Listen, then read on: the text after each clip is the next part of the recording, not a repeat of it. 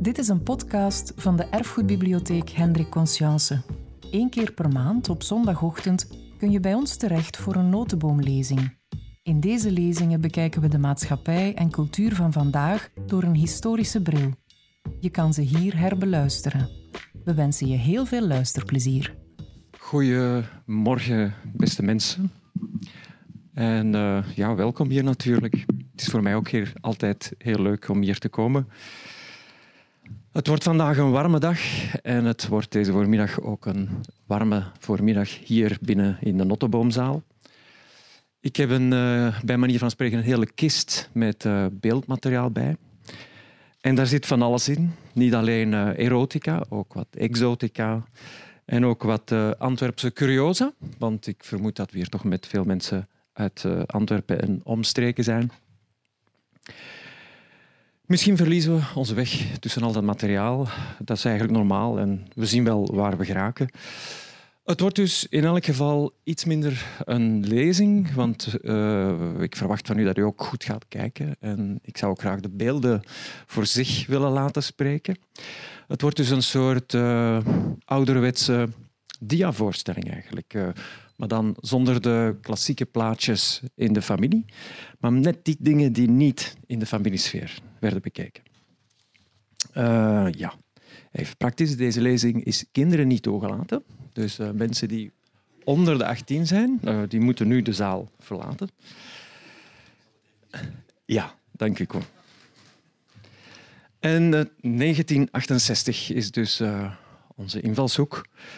We gaan het niet alleen over de revolutie hebben, maar ook over de evolutie. Want er is van alles ervoor en er van alles daarna. En dat is eigenlijk even interessant bijna als 68 zelf. 68 hebben velen van u allicht uh, live meegemaakt. Uh, misschien zijn er zelfs echt 68 nog onder u die toen zijn opgestaan tegen het gezag, tegen het systeem. Ikzelf heb ook 1968 meegemaakt, mei 68 ook. Maar ik herinner mij toch vooral juli 68. Dat ben ik dus. En ik, uh, ik, ben, ik was geen activist, maar ik was toch actief. En ik ben daar samen met mijn neef Mark aan de kust. En wij vissen naar garnalen. We hebben daar nooit heel veel gevangen, maar dat was de tijd van toen. En ik had eigenlijk aan u moeten vragen om ook uw filmpjes mee te brengen. Dan hadden we eens kunnen, kunnen zien hoe, het, hoe mei of de zomer 1968 bij u eruit zag. Nu, volgens mij denk ik dat het... Uh, eigenlijk allemaal weinig op mei 68 zou trekken. Ik denk dat de revolutie niet uh, bij ons allemaal in de huiskamer was. Bij sommigen misschien wel, maar niet bij iedereen. In elk geval, ik was toen zes en uh, ik stond eigenlijk op het punt om de omgekeerde beweging te maken van waar de, de geschiedenis mee bezig was. Van dat leven van totale vrijheid en zalig niks doen, werd ik dus na de vakantie onderworpen aan het eerste leerjaar. En wat eigenlijk al een eerste soort verlies van die eerste soort maagdelijkheid is. Als we nu dat even vergelijken met hoe de wereld voordien was, dus nog vroeger dan 68. Laten we dan eens teruggaan naar 1946, vlak na de Tweede Wereldoorlog. Een vergelijkbare setting. Niet aan de zee, maar Sint-Anneke.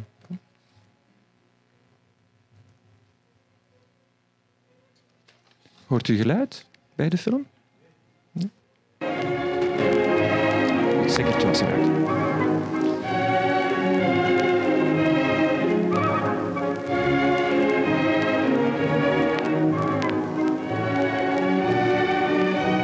Het filmpje dat u hier ziet is een filmpje van René Lefebvre. En René, René Lefebvre, dat is de man die u zo net hebt gezien. En uh, die heeft zijn uh, zoon Luc in zijn armen. En Ren, René zelf was de zoon van Maurice, Maurice die een pasteibakker was, die in de jaren dertig in Antwerpen is komen wonen. En die heel het familieleven heeft gefilmd. En het is een collectie waar ik eigenlijk verliefd op ben geworden, omdat het eigenlijk zo'n intieme filmpjes zijn. Hier dus tafereelen vlak na de oorlog, die eigenlijk al niet meer door Maurice gefilmd zijn, maar door de zoon René. Ik weet niet of u goed hebt gekeken, maar helemaal op het einde zag u al... U hebt een paar bikinis zien passeren. Op het einde nog een frontaal aan de linkerkant in beeld. Om maar te zeggen, dus... Bikini is geen uitvinding van de geprikkelde jaren 60. Het lichaam bestond al eerder. We gaan nog een beetje terug. We gaan nu naar 1930 en we gaan een stukje zien uit een documentaire die Henri Stork heeft gemaakt uh, voor de stad Oostende. En uh, ja, ik ga even de beelden voor zich laten spreken. De mai à septembre, sur cette plage magnifique, au sable fin lavé par les marées quotidiennes, tous les âges se reposent et s'amusent. Paradis des enfants, tranquillité des parents.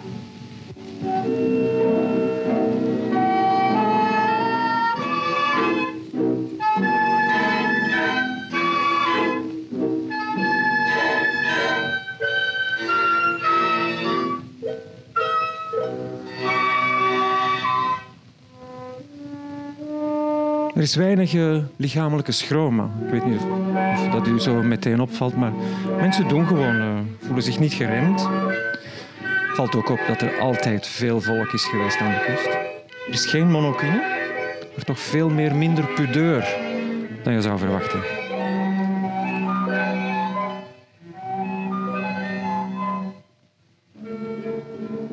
Mensen voelen zich best wel in hun vel, in hun bloot of bijna bloot lichaam.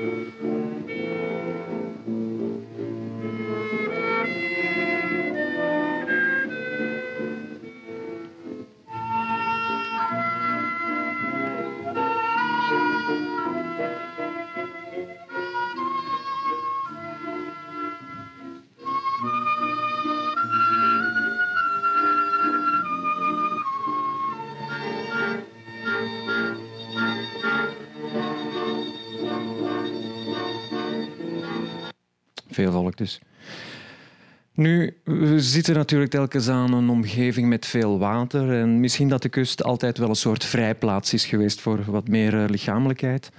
Om te zien hoe mensen zich nu gedroegen in een stad, hoe, ze, hoe hun lichamelijkheid werd beleefd in een stad, zien we dan toch dat het helemaal anders was. Ik ga terug naar een filmpje van de familie Lefebvre, dit keer dus in de jaren dertig, helemaal in het begin toen eh, Maurice is beginnen filmen. En uh, wat we hier zien is uh, Maurice die zelf in beeld verscheen. Soms liet hij de camera zelf op het statief draaien. Uh, hij gaat zijn zoon ophalen die met de bus terugkomt van het pensionaat in, in, in Turnhout. Let dus goed op de kledij van de mensen.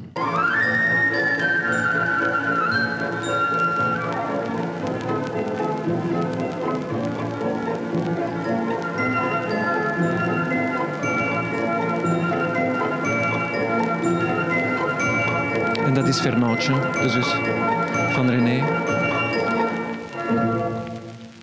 En hier komt de bus.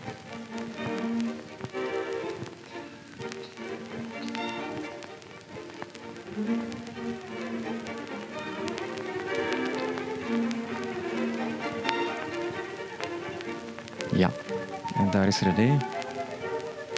Het is een heel intieme familie. Ze raken elkaar graag aan. Waar je niet zou denken bij die kledij. Je zou denken dat in de huiskamer veel stijver aan toe gaat. Maar dat is helemaal niet zo. Astridplein. En de familie gaat dus naar de bakkerij. Waar, uh, die, die gevestigd is op het Klapdorp.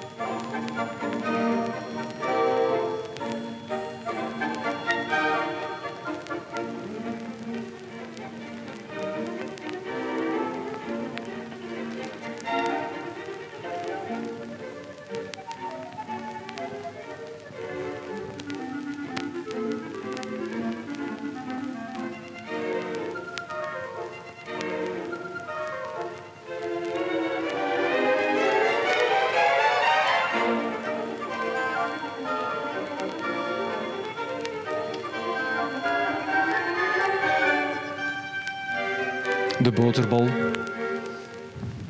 Zo de bakkerij.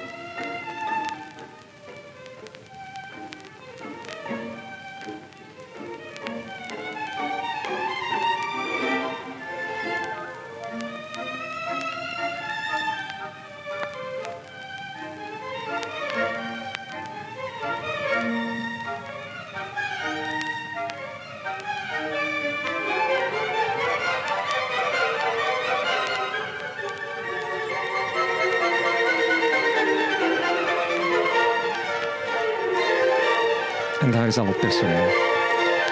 Veel volk. Later openen de Lefevres nog een crèmerie uh, in de, vlak aan het Centraal Station. Wat uh, een aantal mensen misschien nog gekend hebben. De NEC Plus Ultra heet het. Na de, na de film gingen veel mensen daar dan een, of voor de film een ijs kopen. We gaan nog een beetje vroeger in de tijd. En uh, u gaat daar zien, er zijn ook weer beelden van Antwerpen. Maar u gaat ook zien dat het, dat het niet alleen de burgerij is die een hoed op heeft, de vrouwen ook, uh, of een pet, de mannen. Uh, iedereen is echt opgekleed. Arbeiders evengoed als bedienden als de hogere burgerij. Het zijn allemaal fragmentjes, gefilmd door het uh, Franse productiehuis Gaumont in de tijd, die al van helemaal in het begin van de jaren, helemaal in het begin van de cinema, documentaire beelden is beginnen verzamelen, voor, dikwijls voor in uh, cinemajournaals, dus voor, voor, het voorprogramma voor de speelfilm. Dit is allemaal jaren 10, jaren 20.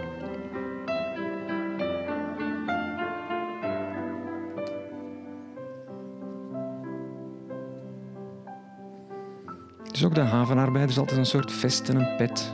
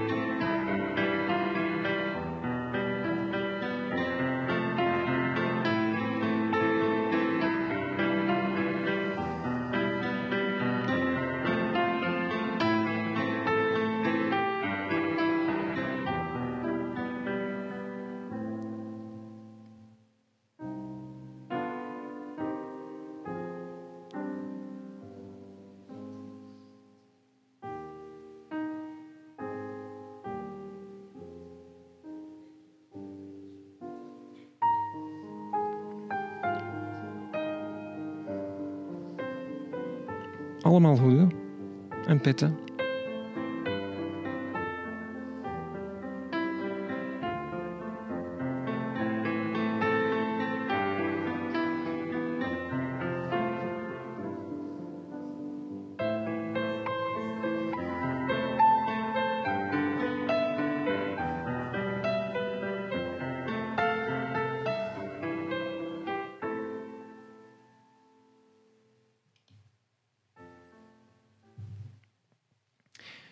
Misschien al twee conclusies.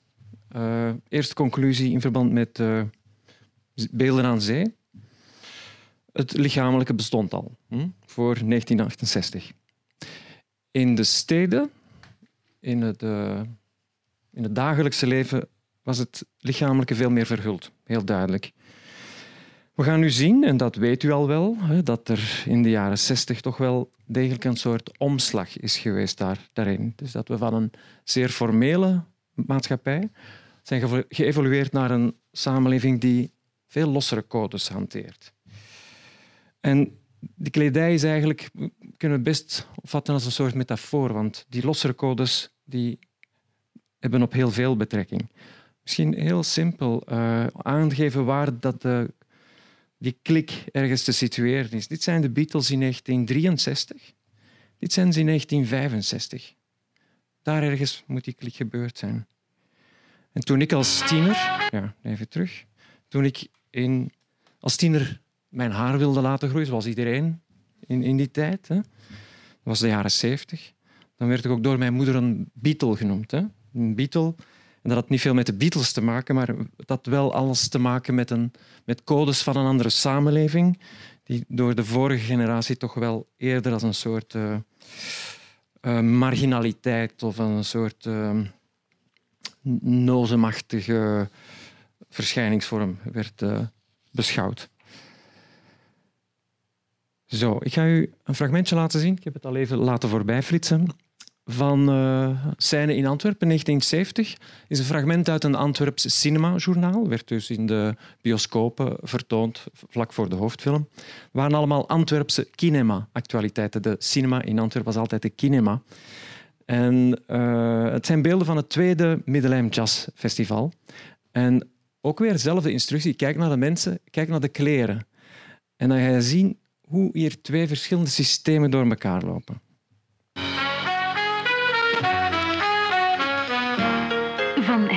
Ver waren ze naar het Middelheim gekomen om te kijken, maar dan vooral te luisteren of jazz werkelijk zo mooi is dat het je ontroert.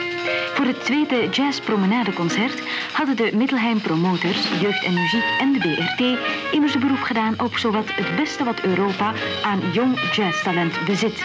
Alle aanwezigen op dit jazzappel, zelfs de allerkleinste, genoten zichtbaar van free en pop jazz en zoals insiders het stellen, de sound of the 70s.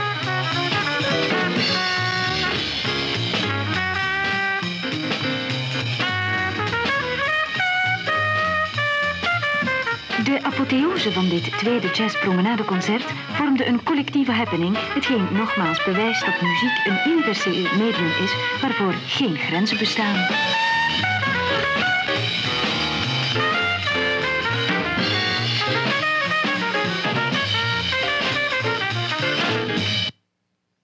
Ja, en het, het gaat verder dan uh, het thema contestatie. Hè. Dus uh, er waren ook heel wat jonge mensen die niet contesteerden en die wel degelijk hun plaats zagen binnen de toenmalige burgerlijke samenleving. Maar ook zij kleden zich anders dan een vorige generatie, ook al beseften ze het misschien niet. En dat wil ik even tonen in, in een volgend fragmentje, dat ook weer uit diezelfde collectie van die Antwerpse cinemafilms komt, van de cinema-actualiteiten liever. Uh, daarin zien we binnen wat we echt het establishment kunnen noemen, het Belgische, Vlaamse, Belgisch toen zeker nog, establishment, daar zie je ook die twee uh, werelden tegenover elkaar. Er is enerzijds een wereld die het lichamelijke afschermt. En daartegenover zie je de, de jonge prinses Paula, die heel andere codes hanteert tegenover het lichaam en tegenover uh, kledij. Prinses Paula was te Antwerpen eregaste op een unieke modeshow. Inderdaad, de voorstelling van de wintercollectie van Christian Dior, die onder auspiciën van de Bank van Parijs en van de Nederlanden ten bate van de getroffenen van Oostmal en Martelange werd ingericht, is een gebeurtenis geworden die het prestige van Antwerpen alle eer heeft aangedaan. De show stond onder de hoge bescherming van zijn excellentie de ambassadeur van Frankrijk en gravin de Crouy Chanel, de heer gouverneur van de provincie Antwerpen en mevrouw Kinsbergen, de heer gouverneur van de provincie Luxemburg en mevrouw Brasseur en de heer burgemeester van de stad Antwerpen en mevrouw Krijbeks. Prinses Paula, geflankeerd door de heer Nassens, directeur-generaal van de Bank van Parijs en van de Nederlanden, en door de modeontwerper de heer Marc Boan was een en al bewondering voor deze modieuze schoonheid die normaal slechts te zien is in de meest selecte modehuizen van de grote wereldsteden.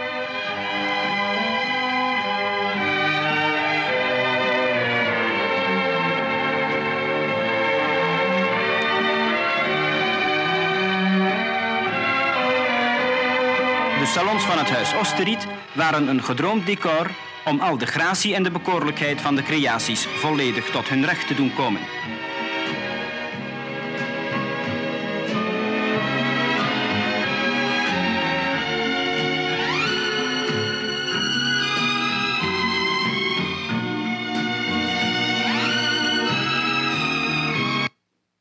Paula is hier echt een uh, filmster, een, jonge Catherine Deneuve eigenlijk. En ze gebruikt haar lichaam. Hè. Dus uh, ze, ze seksualiseert, het is misschien een groot woord, maar toch als je de twee partijen met elkaar vergelijkt, is, het, is er iets van. En die seksualiteit die is natuurlijk uh, toen niet uitgevonden. Die is al heel lang, die bestaat al altijd. Hè. Ik ga een filmpje tonen uit de eerste jaren van de cinema, derde jaren eigenlijk, van de, van, na de uitvinding van de cinema. De film is uitgevonden in 1895, dit is van 1997. is eentje van de grote pioniers van de beginjaren, Georges Méliès. Het filmpje heet Après le bal. Er is geen geluid bij.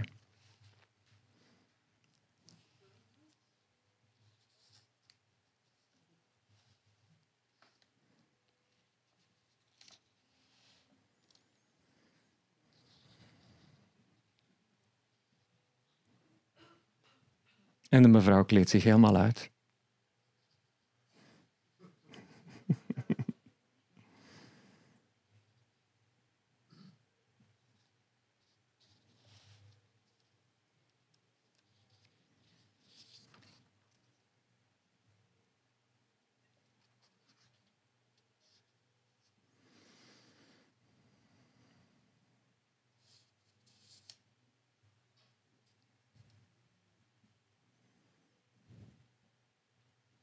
Ja, de lust en gretige nieuwsgierigheid naar blote lichamen is van voor ver onze tijd. We zien ook hier dat er in een nog breder perspectief in het aardsparadijs ook geen probleem mee was. Hè. Dus uh, man en vrouw zijn hier in dit uh, schilderij van uh, Rubens, dat hij samen met Jan Breugel de Oude heeft geschilderd uh, zien we eigenlijk dat er één grote harmonie is. Bloot is, hoort erbij. Uh, er was natuurlijk ook maar één man en één vrouw toen. Hè? En die, die vielen helemaal samen met hun natuur en met de natuur van de andere levende dieren. Uh, dat wordt helemaal anders, zoals u weet, uit de, uit de katholieke leer, dat dat veranderd is. Dus na de uitdrijving uit het aardsparadijs, dan is eigenlijk is er aan de ene kant het, eh, de zonde en het zondebesef gekomen. En de schaamte hebben hier nog geen vijgenblad, maar vijgenblad is, is heel belangrijk, want uh, zonder het vijgenblad is er ook geen, geen seksuele lust. Dus de schepper heeft dat eigenlijk heel goed bekeken. En sindsdien is de mens dus een soort verzamelaar van blootplaatjes geworden, of blootfilms. In sommige gevallen zijn die blootplaatjes zelfs een surrogaat geworden voor het liefdespel. En daaraan kunnen we nog een heel andere lezing wijden, want ook de pornofilm is zo oud als de cinema zelf. Maar daar gaan we het vandaag niet over hebben. We hebben het over de seksuele revolutie in de jaren 60. Niet de geschiedenis van de pornofilm. En we gaan daar meteen met het volgend filmpje aan beginnen. Game you're playing. Paul Guido Cornet en Pierre Drouot stellen u hun eerste film voor. Cash Cash. Nee!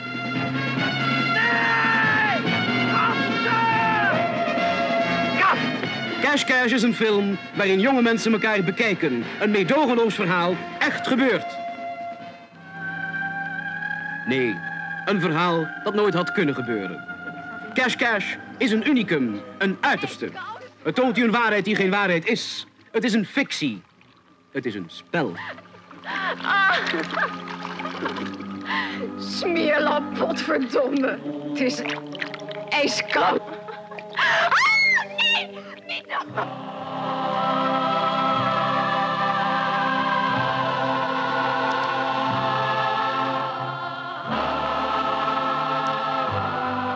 Cash Cash is een avonturenfilm.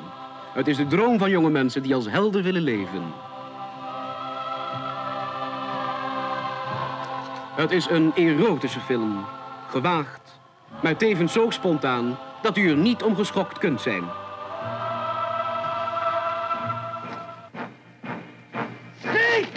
Cash Cash is een vredefilm. Niet alleen voor wat u ziet, maar bovenal voor de meedogenloze humor waarmee jonge mensen elkaar doorgronden, elkaar vernietigen.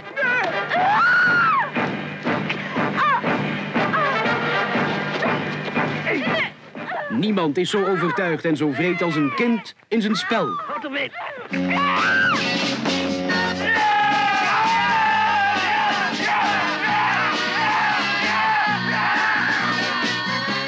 Cash Cash toont wat geen film durft tonen.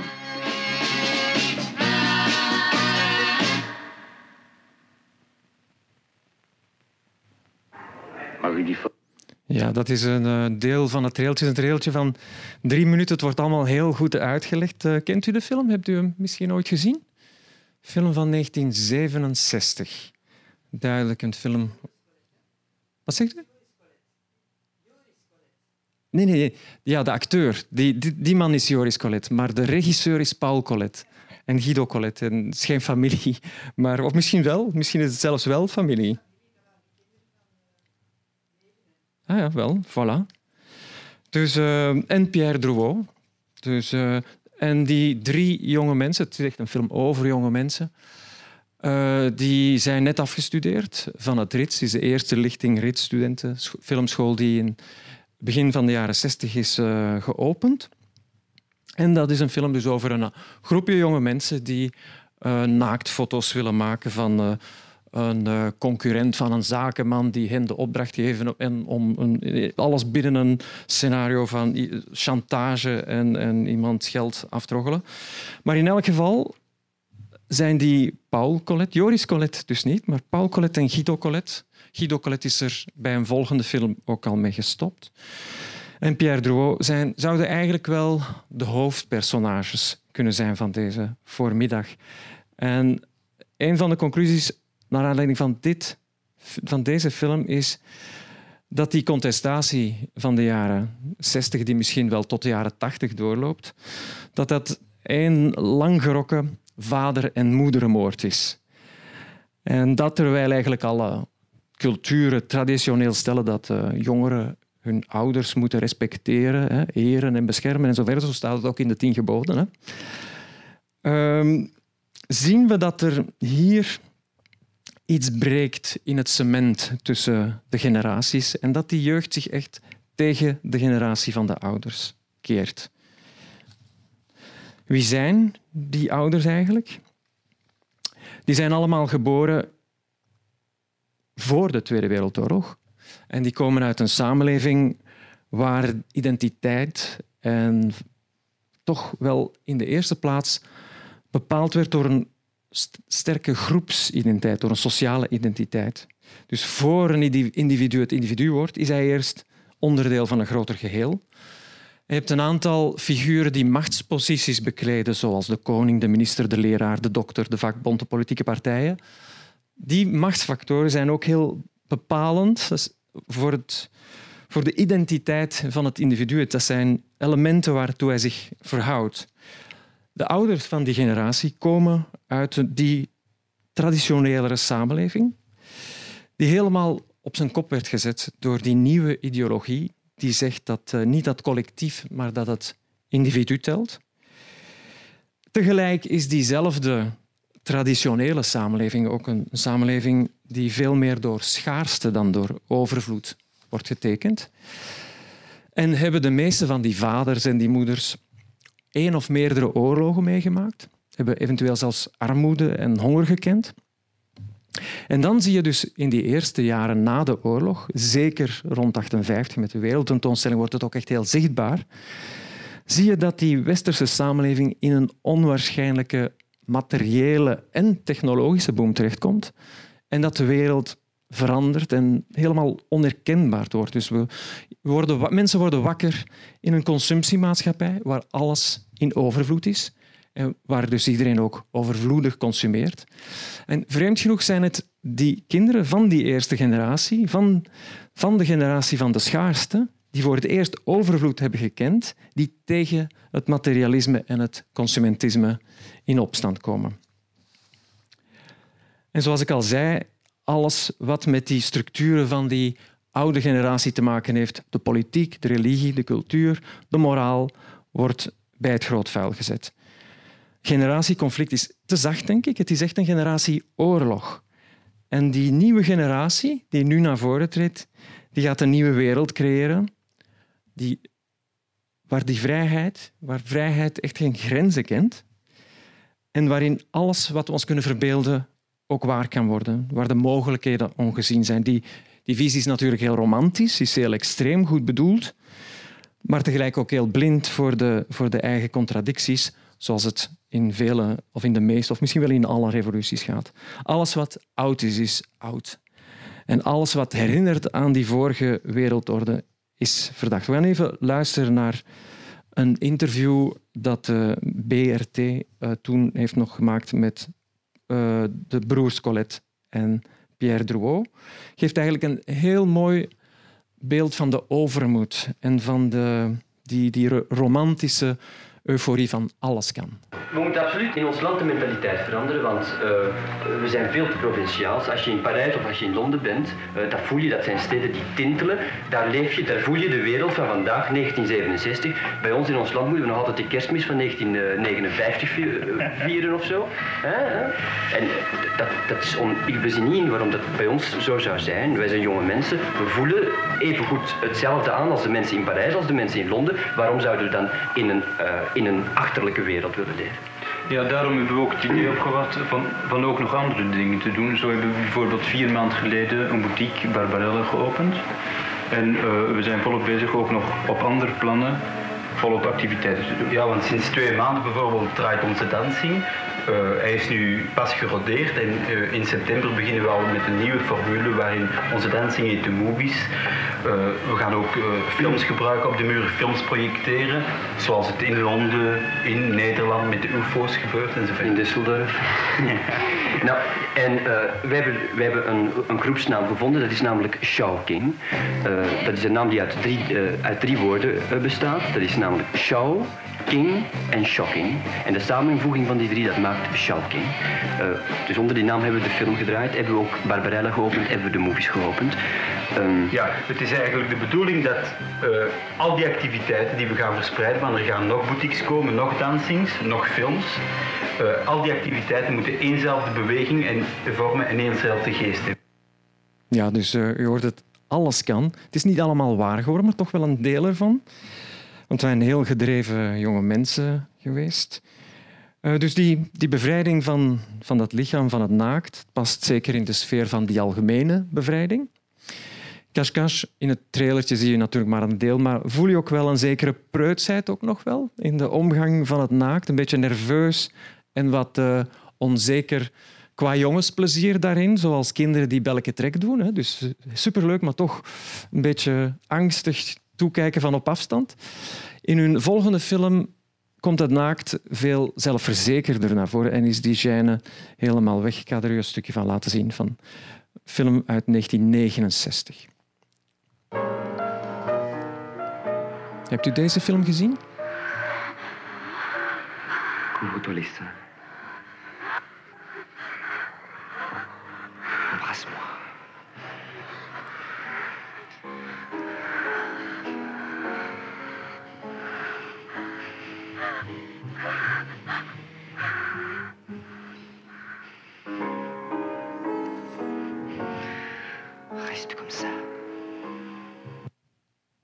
Thema dat regelmatig terugkomt in dit soort films uit die tijd. Een film over een rijke jonge man die het dienstmeisje tot zijn seksuele slavin maakt.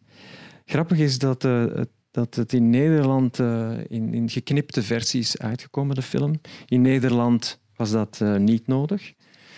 Die film is vertoond of ging vertoond worden op het filmfestival dat in Antwerpen, Antwerpen plaatsvond. Het Belgische Filmfestival was een, een festival waar zowel de Franstalige als de Belgische film, als de, uh, sorry, de Nederlandstalige film werd vertoond. Heeft een hele rel veroorzaakt. Is uiteindelijk uh, niet vertoond mogen worden. En ik ga even een paar reacties van toen laten horen. Dus het Filmfestival van Antwerpen van 1969. Het is dus in mijn ogen is het geen pornografische film, maar het is een zeer sterk geladen erotische film, zoals wij nog geen op de Belgische schermen gezien hebben in de zalen die normaal openstaan voor het publiek. Het is een zeer zwaar incident geweest. En dat is later. En uh, ja, het is misschien echt hetgeen dat ik zeg. Eh, de mensen die Le Trent gemaakt hebben en die verantwoordelijkheid hebben genomen, die hebben het filmfestival gekelderd. Dus één incident is genoeg om heel dat spel, dat eigenlijk een groot feest was, dat heel veel goed gedaan heeft. Want dat was een enorme stimulans. Ja. Zeg maar, heeft die film veel succes gehad? Nee, nee. Amai. Oh. Ja? Oh. Le Trent, ja.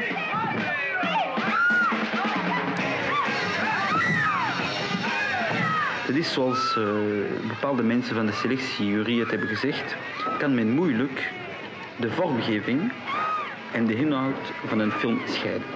Nu kan ik mij moeilijk inbeelden dat een film handelend over erotiek met de nodige artistieke kwaliteiten om aan een festival deel te nemen, dat zo'n film nog de goede zeden uh, kan aanvallen of schenden. schenden. Zonder zich daarvoor uh, zelf door zijn artistieke kwaliteit uh, voldoende uh, te verdedigen. Maar ik zou toch zeer graag hebben dat u het Maria woord aan meneer Kummel als woordvoerder van de kinderjasten. Kummel heeft niets met die groep te maken en ik zou wel graag hebben uh, ter informatie wat hij erover te zeggen heeft, als u daarmee akkoord bent. Mevrouw Rosseels, als u dat vraagt, kan ik dat niet weigeren. meneer Kummel, je hebt het woord, ja. Ja, ja. Ik uh, het daar zeggen of waar wenst u dat ik het Oh, het is zoals u wilt. Ja? Ja, ja. oké. Okay. Ja. Uh, dames en heren, ik uh, dank juffrouw Rosseels voor haar vraag, want ik had heel graag hier gesproken.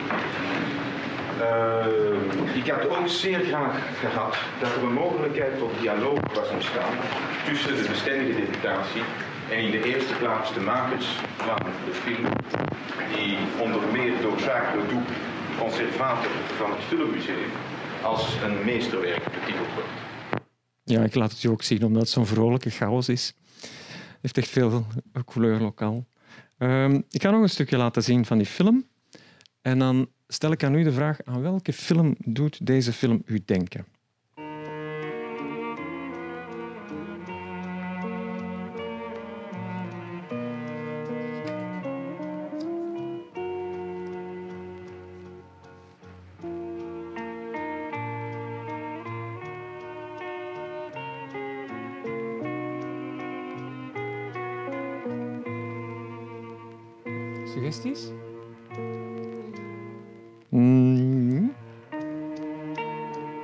Emmanuel, natuurlijk.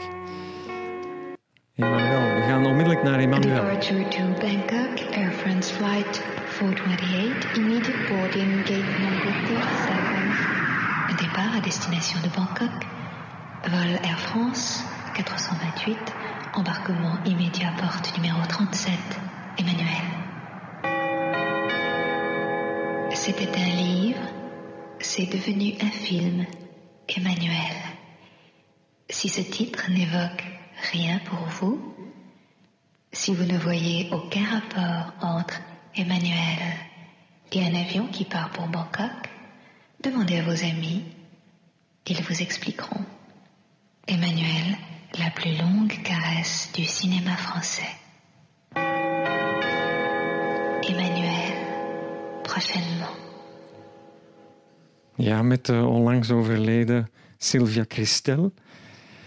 Immens populaire reeks geworden, een van de erotische klassiekers van die periode, maar toch wel interessant. De film komt pas vijf jaar na Letreinte in de zaal. Het is 1974.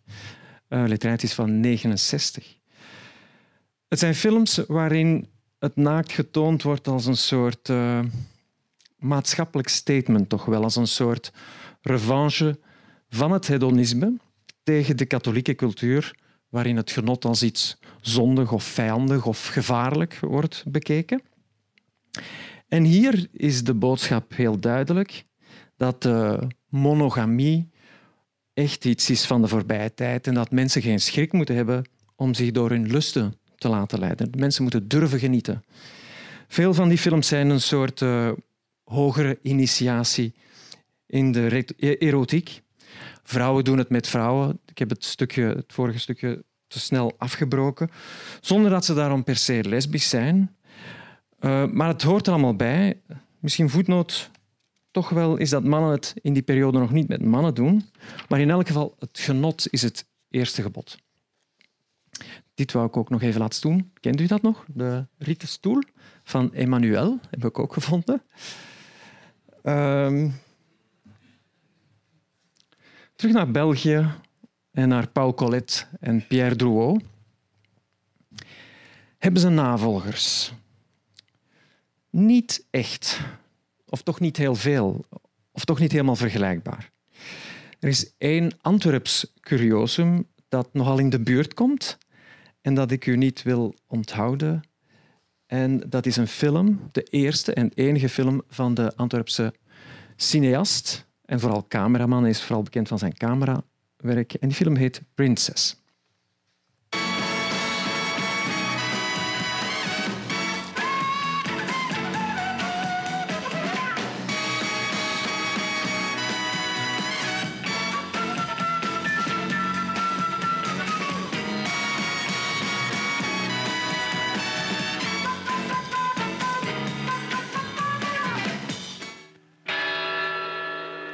Ja, het verhaal is dus een, uh, een fotograaf, Herman van Veen hier, die een airhostess ontmoet in uh, Venetië.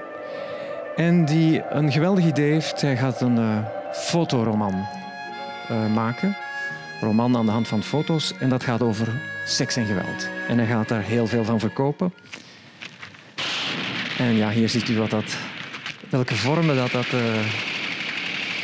toch wel bijzondere geweld Ambient.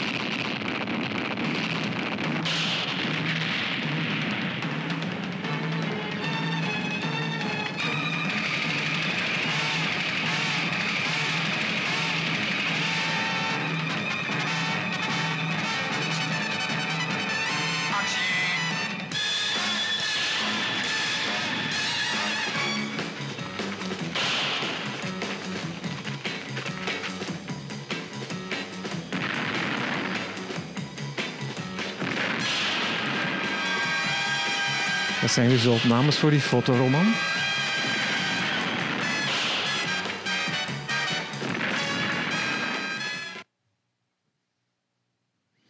Ja, Prinses dus. Het is een leuke film voor mensen die in Antwerpen wonen. Uh, we zien er onder andere ook beelden van de single die als locatie wordt gebruikt, die eigenlijk nog aan met is, is, is gebouwd. Uh, Frans Marijnen speelt er ook een rol in mee. Hij is eigenlijk de schrijver die het verhaal gaat maken voor die fotoroman. En dus uh, het vrouwelijke hoofdpersonage, die Margie heet, wordt gespeeld door de Britse actrice Virginia Mailer. interessante voetnoot bij deze film is dat Wuits, Herman Wuits ook deel maakt, uitmaakt van een generatie die tijdens de Tweede Wereldoorlog nog heeft gesympathiseerd met de nieuwe orde. En zelfs in vergaande mate Wuits is nog gaan vechten aan het Oostfront. En dus voor hem en voor zijn generatie is het verbranden van de oude gewaden, voor, van alles wat aan de oude wereld herinnert, heeft dat nog een bijkomende betekenis. En hij is daar niet alleen in, denk ook aan Klaus, denk aan Ivo Michiels. Dus een groot deel is opgenomen in de, in de single liever. En de single is het kantoor van het, een uitgeverij die Sextra heet. Ik ga het gewoon tonen. Het heeft niets met ons verhaal te maken, maar het is, een, gewoon een leuk fragment.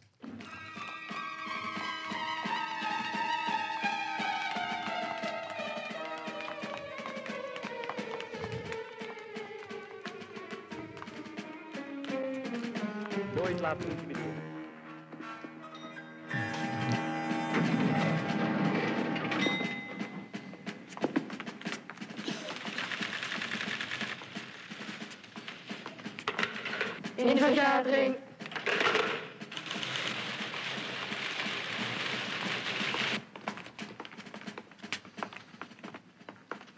Oh, het spijt me, meneer. Het kan echt niet, hoor. Nee, nee, nee, meneer. Echt, echt. Het kan zomaar niet. Dat is het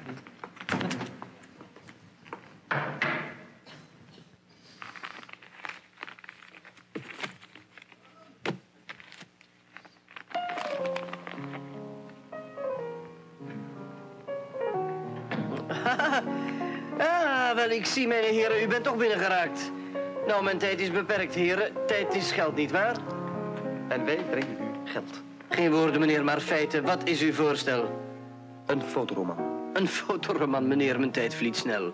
Dat weet ik, gebruik hem wel. Maar dit is geen gewone fotoroman, meneer. Dit is er een met actie, avontuur en seks. Seks. In kleur. In kleur? Ja.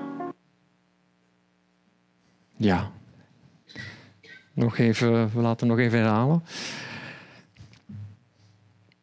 Ehm, we kunnen zo nog even verder gaan eigenlijk met het snuisteren in de archieven van de Vlaamse film.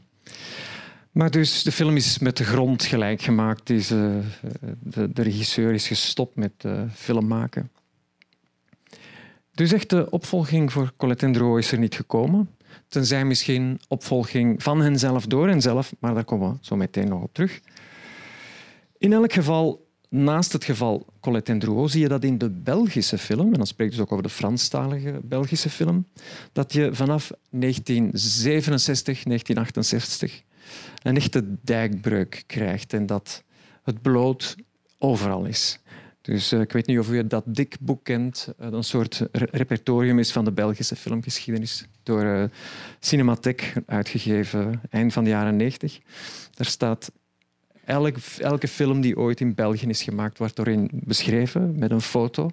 En vanaf bladzijde 439 zijn dat allemaal blote foto's in dat boek, in dat heel deftige boek. En het gaat dus, verder dan een paar filmmakers die zich minder terughoudend opstellen op dat vlak. Het is een echte trend. Het zijn geen echte pornofilms, er zijn geen, geen erecties, geen penetraties. Maar ze ademen toch wel in een sfeer van onproblematisch seksueel genot en een soort qua jongensplezier opnieuw, hè, om, om toch vooral blote vrouwenlijven te tonen. En het is dus effectief zo, zeker in dit genre, in die periode, zijn de cineasten, zoals meestal vandaag ook nog, vooral mannen. Ik ga er een paar van gewoon vermelden om u een, een idee te geven. Psychedelissimo, 1968, van afstuderende INSAS-studenten. Dus uh, Colette en Drouot waren ritstudenten. En de regisseur daarvan die is Christian Menil, maar eigenlijk is, heet hij in het echte leven Francis Truffard. En vreemd genoeg hebben al die cineasten van dit soort films hebben allemaal pseudoniemen. Je hebt een zekere John Cannon, die eigenlijk Maarten Pliester is. William Jackson is Theo Baert. Guy Jack is Guy Gibert. En dan Peter Knight, Pierre Chevalier. Harry M. Love is Paul de Bruin en zo verder. Dus blijkbaar is die populariteit van die films toch niet bij iedereen verzekerd en dekken de cineasten zich voor alle zekerheid toch nog een beetje in. Deze film, uh, La Comtesse Noire, in de Franse versie. Het zijn allemaal films die in uh, heel veel verschillende versies en ta talenversies dikwijls anders gemonteerd als in een ander taalgebied terechtkomen. Um, in, in België was het dus de, de, de Franse versie La Comtesse Noire gaat over een soort uh, vampier, vrouwelijke vampier, die dus uh, haar onsterfelijkheid uh, afkoopt, niet door bloed, maar door sperma. En ze wordt eigenlijk opgejaagd door de, de ja, rol van de, die, de regisseur zelf vertolkt. Misschien dit fragmentje nog. is een Mechelse fotograaf, cameraman Guy die een aantal erotische films heeft gemaakt waaronder deze, Pandore, en waarin zijn vrouw, die u nu ziet op de trap, van de trap afgaan, de hoofdrol speelt en meestal ook het scenario schrijft. En de man is Rick van Steenbergen, dus de wielrenner, in de rol van een Griekse visser. Dus film is in België ook uitgebracht, en, maar zonder dan of toch een heel aantal seksfilms, seksscènes liever, die daaruit zijn moeten geknipt worden. Les Aventures Galantes de Zorro van uh, William Russell is een combinatie van stukjes uit Zorro-films aangevuld met pikante scènes. Ja, en dat is Red Hot Zorro, dat is de Engelse versie. Dus die plot, die verhaaltjes stellen meestal niet zoveel voor. Hè. Het is eigenlijk eerder een, een kapstok waar dan verschillende prikkelende plaatjes aan gehangen worden. En het vreemde is dat die, die school dat die in het midden van de jaren 70 helemaal verdwenen is. Als het nieuwe eraf is, als iedereen het heeft gezien, verdwijnen dit soort films ook. Dit is dus een beetje een speciaal genre, genre apart. Het is niet de echte publieksfilm. Um, en ik denk dat we terug daar even naartoe moeten. Dus naar de, die mainstream film, de, de, de films die voor een algemeen publiek gemaakt worden, eigenlijk zowel voor jong als voor oud. En over de evolutie van de uitbeelding van het naakt en van seks in dat soort films. Dus de films die iedereen gaat zien. Uh, heel verschillende soorten mensen ook. Uh, we hebben al een paar fragmenten gezien uit een paar films die misschien de klassiekers zijn in de Vlaamse seksfilms, maar die, die een beetje losstaan van, van, van de films die we nu gaan bekijken. En die, die films die tonen ook weer opnieuw dat thema van die overgang van een formele maatschappij naar een veel minder formele mm, cultuur. We gaan nu zien hoe dat dus in de mainstreamfilm gebeurt. En voor een van de eerste successen uh, in de Vlaamse film moeten we terug naar de jaren 30. Die willen we er toch ook even bij hebben. De eerste verfilming van het boek van Ernest Klaas, De Witte werd in 1934 verfilmd door Jan van der Heijden en Edith Kiel. Het is een film die geldt als de eerste Vlaamse geluidsfilm en is een absolute hit geweest in die tijd. Ik ga even een kort fragmentje van laten zien om toch uh, te beginnen bij het begin. Het is het einde van de film.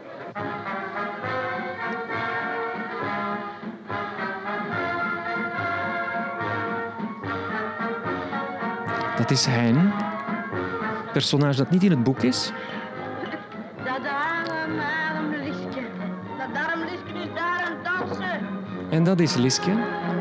Twee personages die dus toegevoegd zijn aan het scenario om het een beetje te kruiden.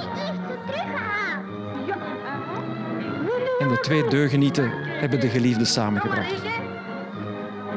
Het einde van de film, iedereen danst. En dat is eigenlijk de uitbeelding van de fysieke liefde, een dansje.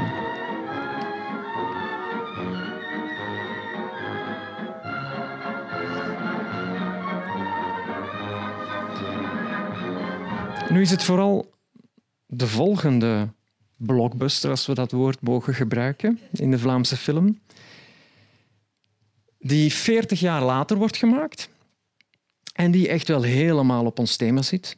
Dit keer is het de verfilming van een boek van Stijn Streuvels. Hugo Claus heeft het uh, scenario gemaakt. En we gaan even kijken naar deze beroemde scène. Wacht.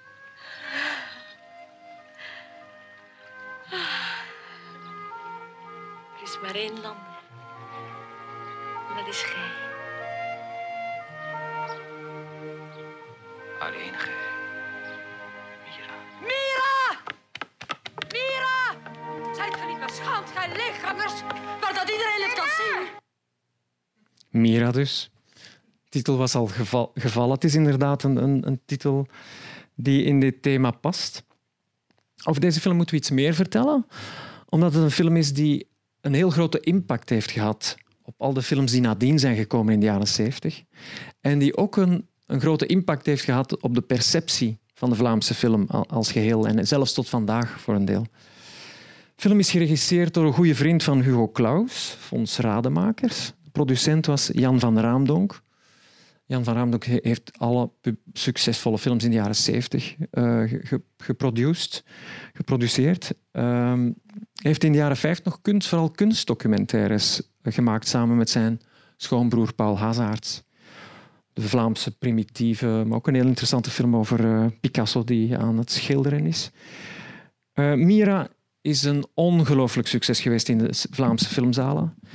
Meer dan 700.000 mensen hebben die film gezien, wat heel veel is.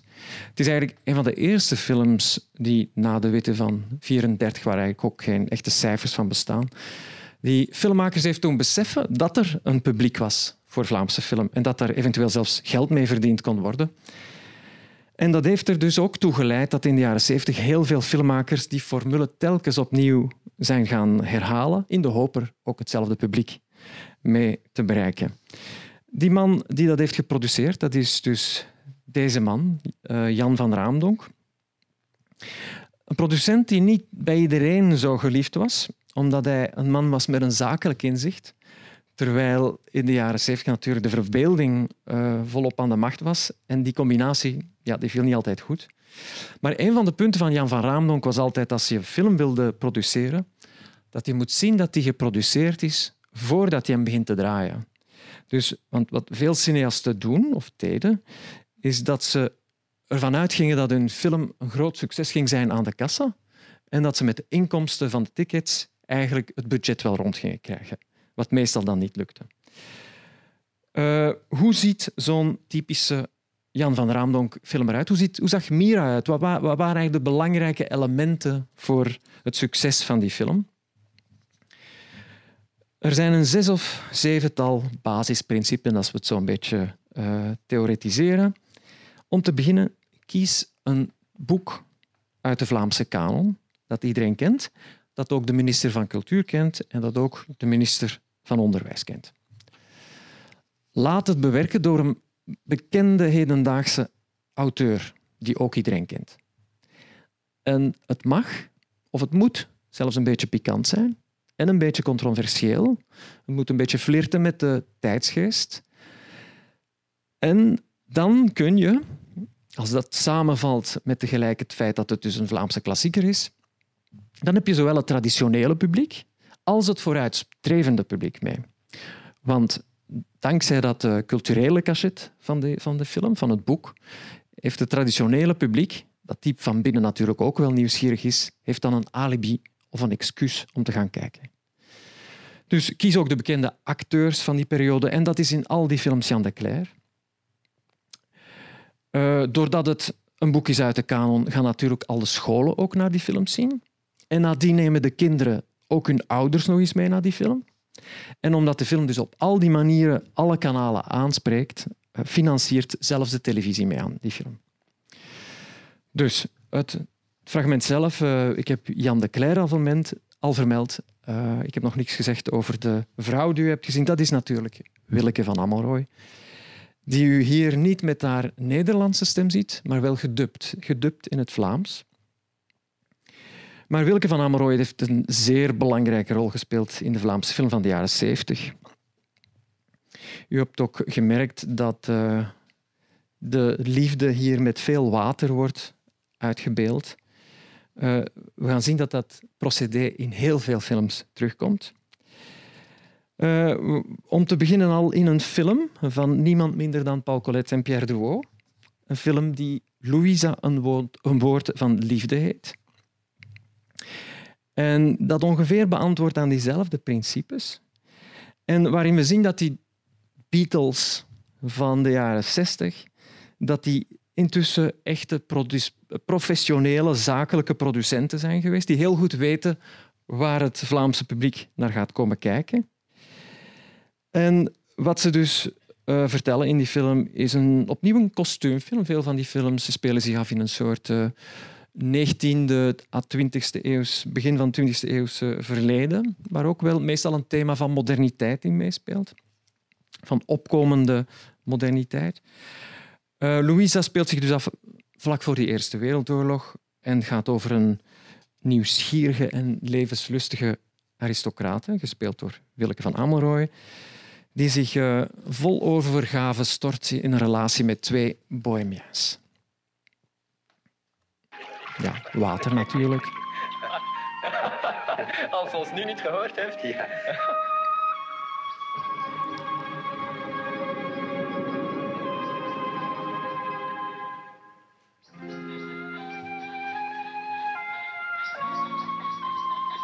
Voor deze beelden is trouwens een andere actrice gebruikt, omdat uh, cineasten blijkbaar vonden dat uh, de verhoudingen van Willeke van Amelrooy na een aantal kinder, na een aantal geboortes al niet meer ideaal waren. Er is veel discussie over geweest. En hier krijgt u dan die verwijzing naar het déjeuner sur l'herbe. Toch een beetje een deftig citaat.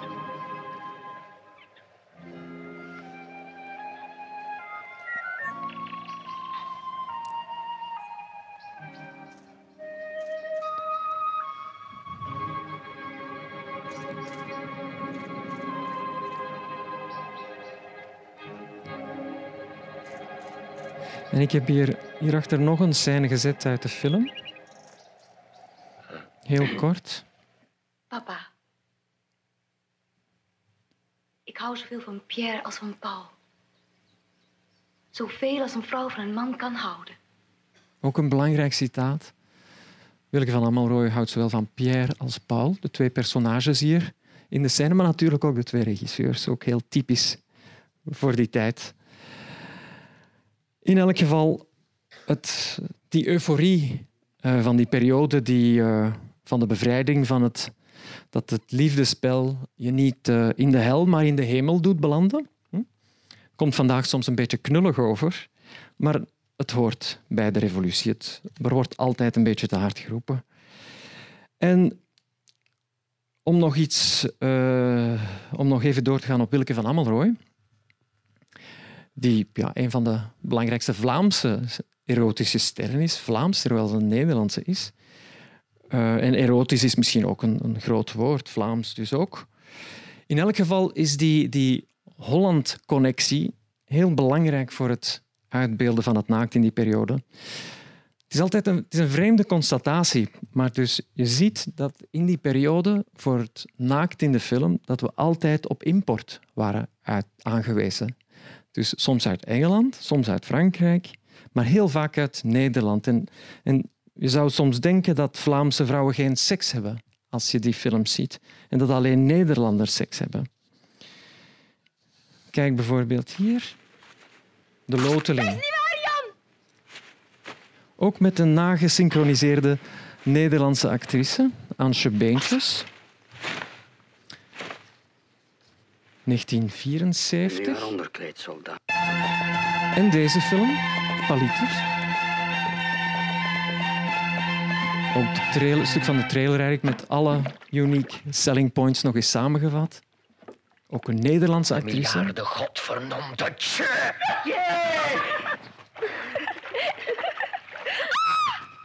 Ah, zijn je zot geworden? Paliter. Ja. Minder aanwezig in de Vlaamse film, maar heel bekend in Vlaanderen, was ook de Nederlandse actrice Monique van de Ven. Die uh, in één Vlaamse film meespeelt, maar die weinig succes heeft gehad, Vlaams uh, Verloren Maandag van Luc Monheim. Maar die in Nederland misschien nog meer een, het icoon was van die nieuwe erotische film. Ik denk dan aan films zoals Turks Fruit en, en Keetje Tippel.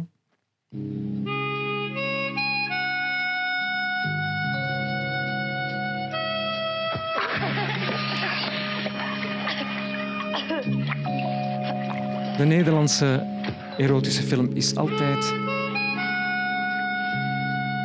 minder terughoudend geweest dan de Vlaamse. Doe het voor het eerst.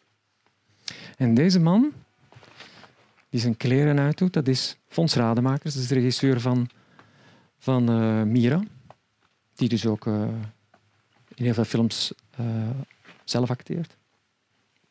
Maar de regisseur van deze film, van deze twee films trouwens, is Paul Verhoeven. die een heel belangrijke rol heeft gespeeld in die periode. Die, zoals u weet, later in de Verenigde Staten is gaan filmen. En waar hij eigenlijk altijd dat schandaal-imago is, is blijven koesteren.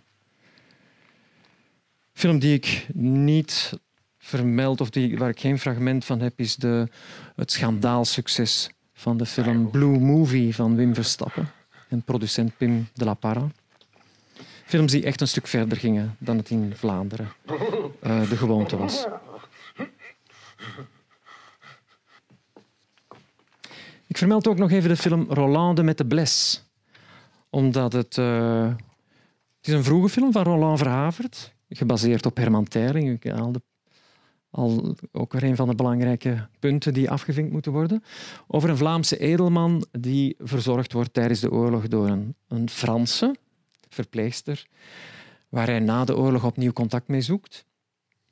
En die hem als een echte femme fatale in zijn ondergang zal storten. Geen Nederlandse actrice, dus hier maar wel een Belgische actrice, een Franstalig Belgische actrice Liliane Vincent, die nu in het bad gaat.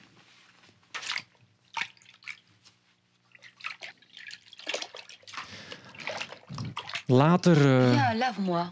Je n'ai pas confiance en cette femme. Later in de film verzeild tussen het eeuwige hoofdpersonage in de jaren 70, Jan de Cler, in een zeer exotisch bordeel.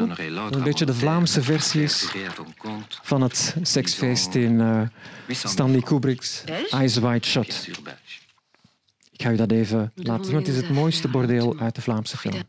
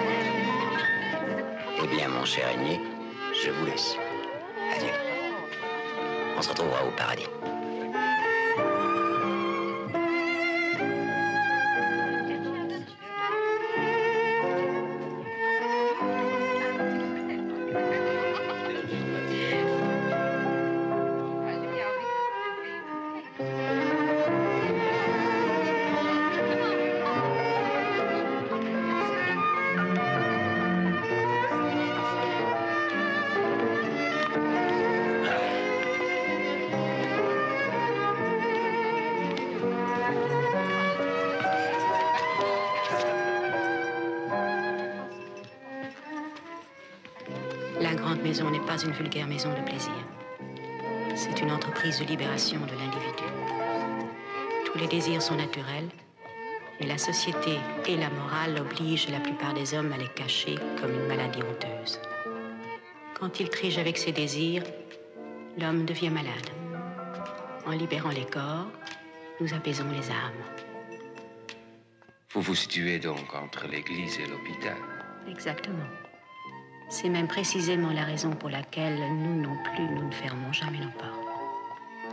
Ja, de mevrouw vat het nog eens allemaal mooi samen. Nous mettons tout en œuvre pour lui en faire prendre conscience. De man die zijn genot niet volgt, die zijn drang naar genot niet volgt, die wordt ziek. Even resumeren waar we zijn uitgekomen de jaren 70 zien we dus dat het brood zijn intrede doet in de Vlaamse film, zoals het dat ook doet in alle andere filmlanden. In het midden van de jaren 70 zie je dat het schandaalkarakter een beetje weg hebt en dat het een functie krijgt die het eigenlijk tot nu altijd heeft behouden.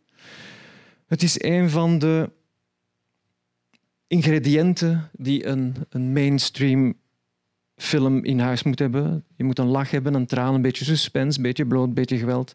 Allemaal ingrediënten om een, om een film op smaak te brengen. De jaren 80 slaan we over. En dan komen we uit op het einde van de jaren 90, jaar 2000, waarin we zien dat er toch een belangrijke verschuiving plaatsvindt op internationaal vlak. Want vreemd genoeg is dat in de Vlaamse film eigenlijk helemaal voorbij, is dat aan de Vlaamse film voorbij gegaan. En zien we dat seksualiteit toch op een veel meer verregaande manier in, in beeld wordt gebracht. En dat men voorbij het vrouwelijke standpunt gaat, of het, het standpunt van de man gaat, dat men nu ook het naast het vrouwelijke naakt ook mannelijk naakt toont. En dat men ook zelfs erecties, penetraties in beeld brengt, vaak met stand in pornoacteurs.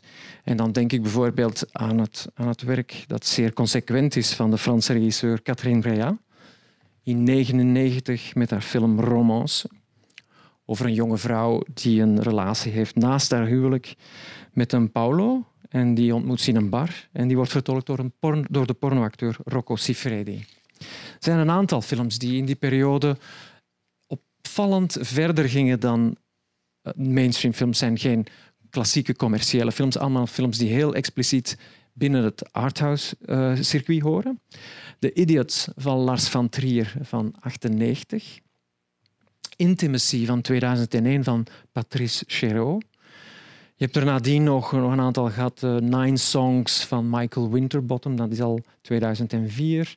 Nymphomaniac, nog niet zo heel lang geleden, van Lars van Trier. Het zijn allemaal films die seksualiteit op een veel explicietere manier exploreren dan films die voordien uh, gemaakt werden, zonder dat ze daarom echte pornofilms werden.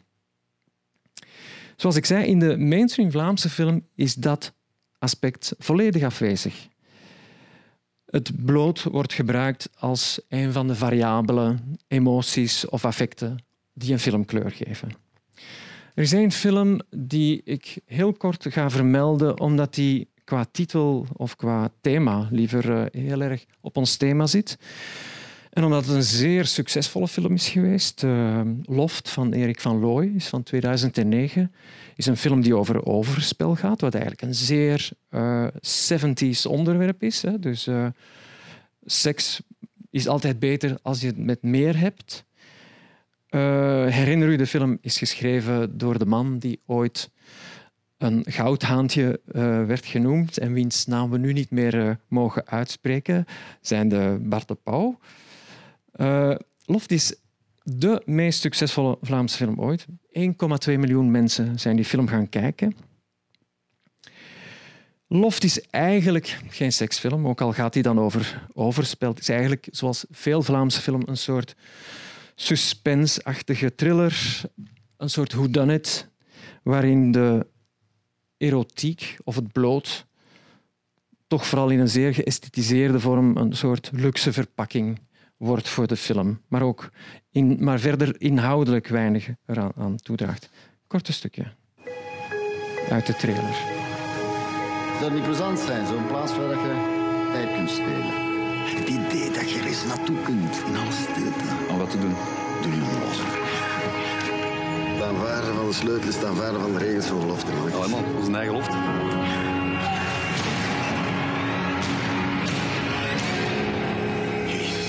Dit kan toch niet? Kunnen we niet... Tot daar. En welke film is dit? Last Tango in Paris, inderdaad. 1972, dus terug naar de jaren 70. Bernardo Bertolucci. De film is een van de grote bekende titels uit, de, uit, het pantheon van de erotische filmerij.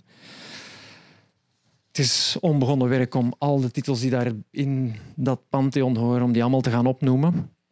Ik vermeld er nog één van, omdat die wel een leuke link heeft uh, met België. L'Empire d'Essence. Dat is een van de grote klassiekers, 76 van Nagisa Oshima. Is, werd mij verteld onlangs, ooit vertoond geweest in uh, Baarle-Hertog. Um, en waarbij dan de projector was opgesteld vlak over de Nederlandse grens in Baarle-Nassau.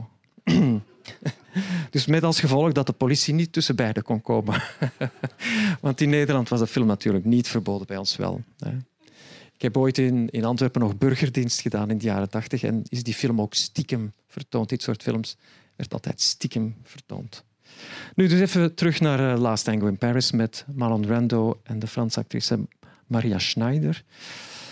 Onlangs is er naar aanleiding van deze film, naar aanleiding van een, de, de anale seksscène, in de film opnieuw een uh, vrij felle controverse ontstaan. Dus het discussiepunt was of de regisseur zijn actrice wel had voorbereid op die scène. En dat bleek dus van niet.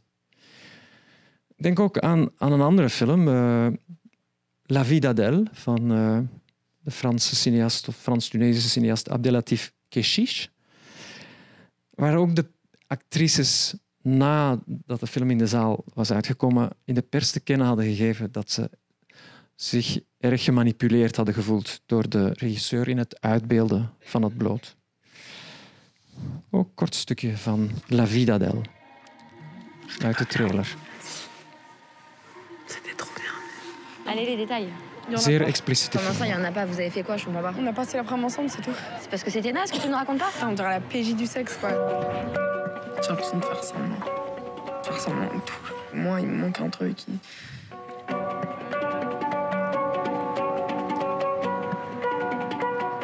En tussen die twee meisjes gaat het in deze film. Van Keshish is trouwens uh, vorige week ook in de Vlaamse zaal de nieuwe film uitgekomen, Mektoub. Moet u zeker gaan zien als u helemaal mee wil zijn in de discussie. Wat ik met die twee laatste films eh, wil zeggen, is dat we na de vreugde om die uh, lichamelijke bevrijding, dat we zien dat de pendel een beetje de andere kant aan het uitgaan is. We zijn enerzijds wel minder gegeneerd om naakt te tonen, maar we stellen ons wel de vraag, wie heeft hier de macht bij wat er hier getoond wordt? Het tonen van naakt is een onschuld kwijtgeraakt in zekere zin. Uh, is, wiens blik is dit? Is dit uh, die, dat vrouwelijk naakt dat we nu zien, is dat eigenlijk geen exploitatie door een man en man, een mannelijke blik? Na de vrijheid van de jaren 70 zien we dat er nu heel veel het accent ligt op, op gelijkheid. Hè? En niet, dat, dat niet de hoeveelheid of de kwaliteit van het genot de inzet is, maar het punt van wie de macht heeft, wie beslist wat we zien. En na het optimisme van de jaren 60 en 70 van de toekomst en de verbeelding zou alles nieuw maken, valt eigenlijk onze nieuwe eeuw, de 21ste eeuw, nogal somber uit. We gaan ervan uit dat we het in de toekomst met minder zullen moeten stellen. Voor veel problemen hebben we zelfs geen begin van oplossing. En we hebben het gevoel dat het slecht gaat met de wereld, zelfs met de planeet, en dat er waarschijnlijk geen redding meer mogelijk is. Ik weet niet of u de film Melancholia hebt gezien van Lars von Trier, film van 2011, heeft dat uh, gevoel heel mooi ver, ver, verwoord en verbeeld in die film. Melancholia van Lars von Trier. Er is misschien één boodschap van de jaren 60 die is blijven hangen. En dat is vandaag dat de exclusieve relatie misschien wel voorbij is. Tot in de magazines lezen we dat mensen meer en meer experimenteren met polyamoreuze relaties. Een woord dat misschien meer aan polyester doet denken dan aan seks. Maar vreemd genoeg heb ik de indruk bij het debat rond het polyamoreuze dat het toch niet meteen met een soort romantische vrijheid of vrije liefde gaat. En dat het een, meer een soort uh, ja, vrije liefde voor boekhouders wordt. In de zin dat de idee erachter niet zozeer de, de, de, het geloof is in, in de emancipatorische kracht van de vrijheid, maar veel eer het idee dat relaties altijd mislukken en dat je dus maar beter op meerdere paden tegelijk kunt wedden. Dus en, en wie zich goed organiseert, kan het misschien wel lang uitzingen. Dus de thema's rond lichamelijkheid zitten vandaag ook helemaal in het slop. Het gaat over burkas, sluiers, burkinis, over het, over het bedekken van lichaam. De mannelijke blik wordt eigenlijk beschouwd als een soort kwalijke koloniale erfenis waarmee komaf moet worden gemaakt. En tegelijkertijd, heel paradoxaal, is porno in zijn meest ruige vormen nooit zo dichtbij geweest als vandaag. Op drie klikken komen we in een gigantische bibliotheek terecht. Vrouwen hebben de vrijheid om hun lichaam te tonen. En de mannelijke blik die daarop aansluit is soms gewenst, soms niet gewenst. En natuurlijk is het feit dat die seksuele revolutie van de jaren 60, 70 een mannelijk fantasma was, is juist. En een correctie daarop, zoals het gebeurd is in zekere zin in die nieuwe erotische film die rond 1999 uh, eh, is opgekomen. Dat is daar in zekere zin een, een, een goede correctie op. Dus uh, films waarin ook de man wordt getoond, of minstens ook de man wordt getoond. Maar dat komt dus niet voor in de Vlaamse film. Vandaag zien we dat mannen en vrouwen iets meer tegenover elkaar staan in een concurrentiële attitude, eerder dan in een gezamenlijke wedloop naar het ultieme genot.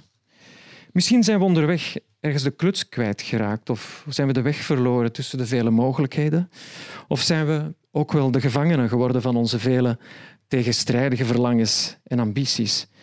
Misschien is het ook wel te gemakkelijk om het heden te beschouwen als een soort kater na een te, na een te fel bevrijdingsfeest. Ook al horen katers onvermijdelijk bij een stevig feest.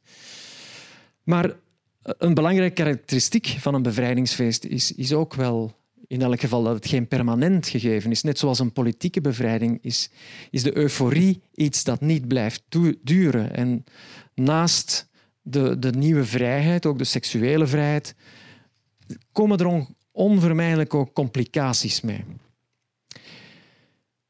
Tegelijk is, denk ik, uh, niemand bereid om, om de verworvenheden van 68 opnieuw in te ruilen voor een, reis terug in de tijd. Maar daarmee komen we ongeveer aan het einde en komen we eigenlijk op het moeilijke punt waarin ik een soort conclusie zou moeten formuleren, waarin ik eigenlijk nog lang heb over zitten nadenken en waarbij ik zelfs niet weet of er een echte conclusie is, maar ik heb er in elk geval drie geformuleerd die misschien elkaar tegenspreken, maar daar mag u er dan één uitkiezen. Een, uh, een eerste conclusie zou zijn, en dat is eigenlijk gelinkt met een, uh, technisch, een technisch element, namelijk ik wou eigenlijk heel graag afsluiten met een uh, fragment of twee fragmenten uit het werk van Emile Degelin, die u misschien kent. Hij is een uh, Vlaamse schrijver en cineast, die vorig jaar in mei is gestorven. Is 90 jaar geworden. En vormelijk en structureel is het niet slecht om bij hem te eindigen, omdat we dan terug bij de zee terechtkomen. En we zijn begonnen bij de zee, we moeten ook eindigen bij de zee. Uh, de vraag is alleen, ja, welke boodschap past er eigenlijk bij die film? Ik ga u een stukje laten zien uit een kortfilm van 1961 op muziek van Luciano Berio. Het is een kortfilm die op het filmfestival in, van Berlijn in 1961 een zilveren beer heeft gewonnen. Het is een film die heel expliciet vanuit een mannelijke blik wordt gefilmd en die een soort obsessionele fascinatie verraadt voor de vrouw. Maar eigenlijk is die vrouw een soort vampier of een soort destructieve kracht, een soort sirene. Dus de titel van de film is Sirene. En het gaat over vrouwen die mannen op de klippen doen lopen. En dus vrouwen voelen zich verschrikkelijk aangetrokken, of mannen voelen zich hopeloos aangetrokken tot die vrouwen, maar eigenlijk is die vrouw tegelijk ook hun ondergang. En ik dacht, ja, misschien een mooi beeld zo om terug de, de schrik die in het discours is gekomen, om die een plek te geven. Dus film Sirene uit 1961.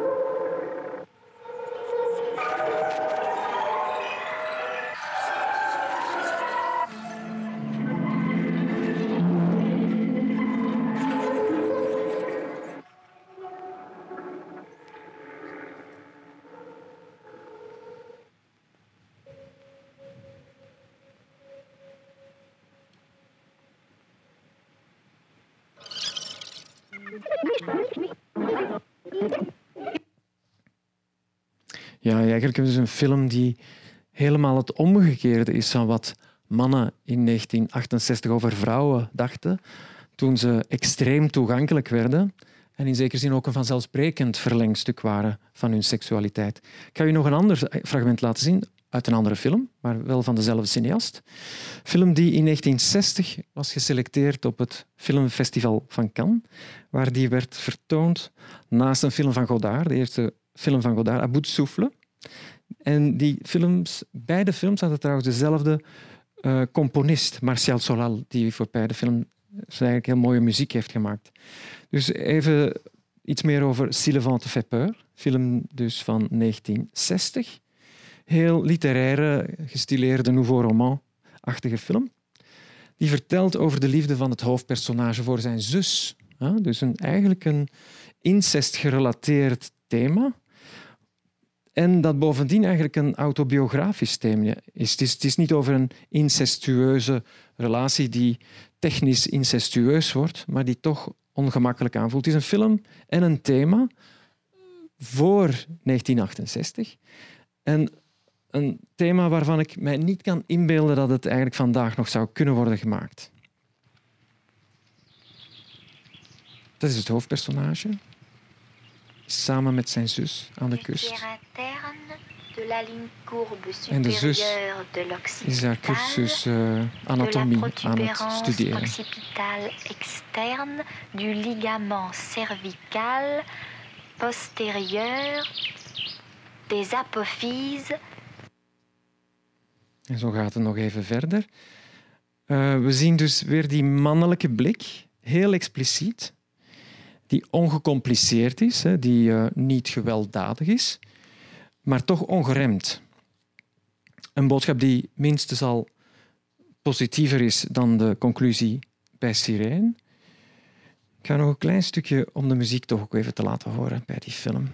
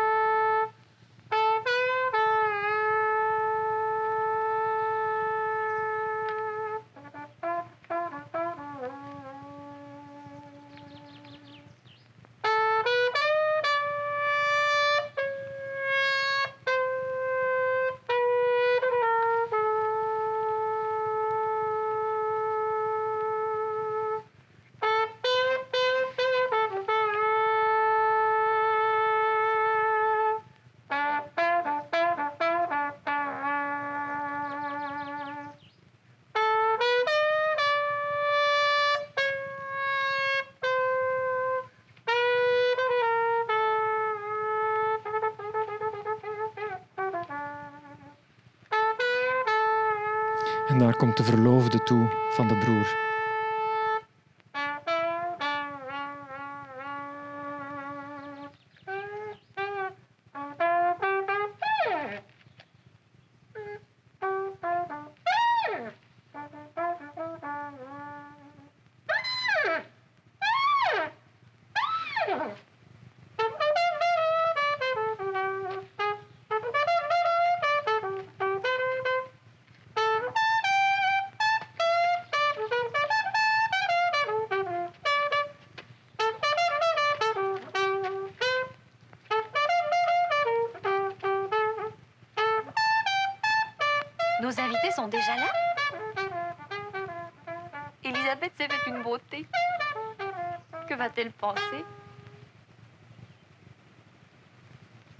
C'était sans doute ce qu'on appelle un flagrant délit.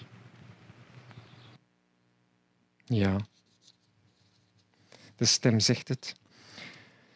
Ik heb nog een derde conclusie, die had ik eigenlijk willen koppelen aan pornobeelden van een van de, al die ontelbare pornosites op internet, die ja, op het eerste zicht volledig bevrijd zijn van uh, elke seksuele schroom, maar die daar misschien ook net daardoor mechanisch zijn geworden, die heel dicht op de mechanische seksuele interactie zitten, die al gauw ook stereotyp aanvoelen en die misschien ook het, uh, het seksuele ritueel helemaal onderuit halen. Wat je misschien zou kunnen vergelijken met, met voetbal zonder keeper.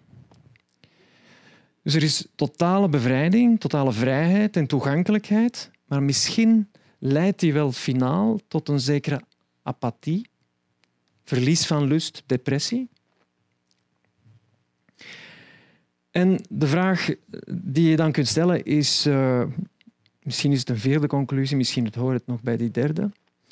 Misschien kunnen we ook als mensen, zeker niet zonder spel, zeker niet zonder liefdespel, maar dat een spel bevrijdt van, van alle spelregels, zonder code, zonder structuur, misschien wel dreigt te, te imploderen.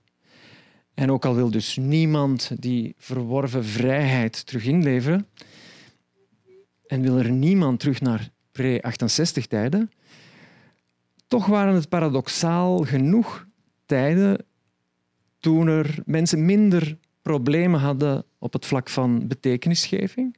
Alles was eenvoudig. Er waren minder depressies, minder burn-outs. En ik denk dat we moeten onder ogen zien, ook al willen we niet terug, dat ook vrijheid nooit zonder kosten komt. Zo, dat zijn drie of vier conclusies voor de prijs van één. Ik, uh, ik dank u voor uw geduldige aandachtigheid.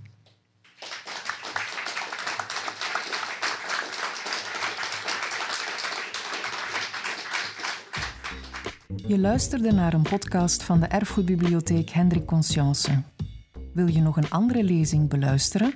Ga dan naar www.consciencebibliotheek.be-herbeluister.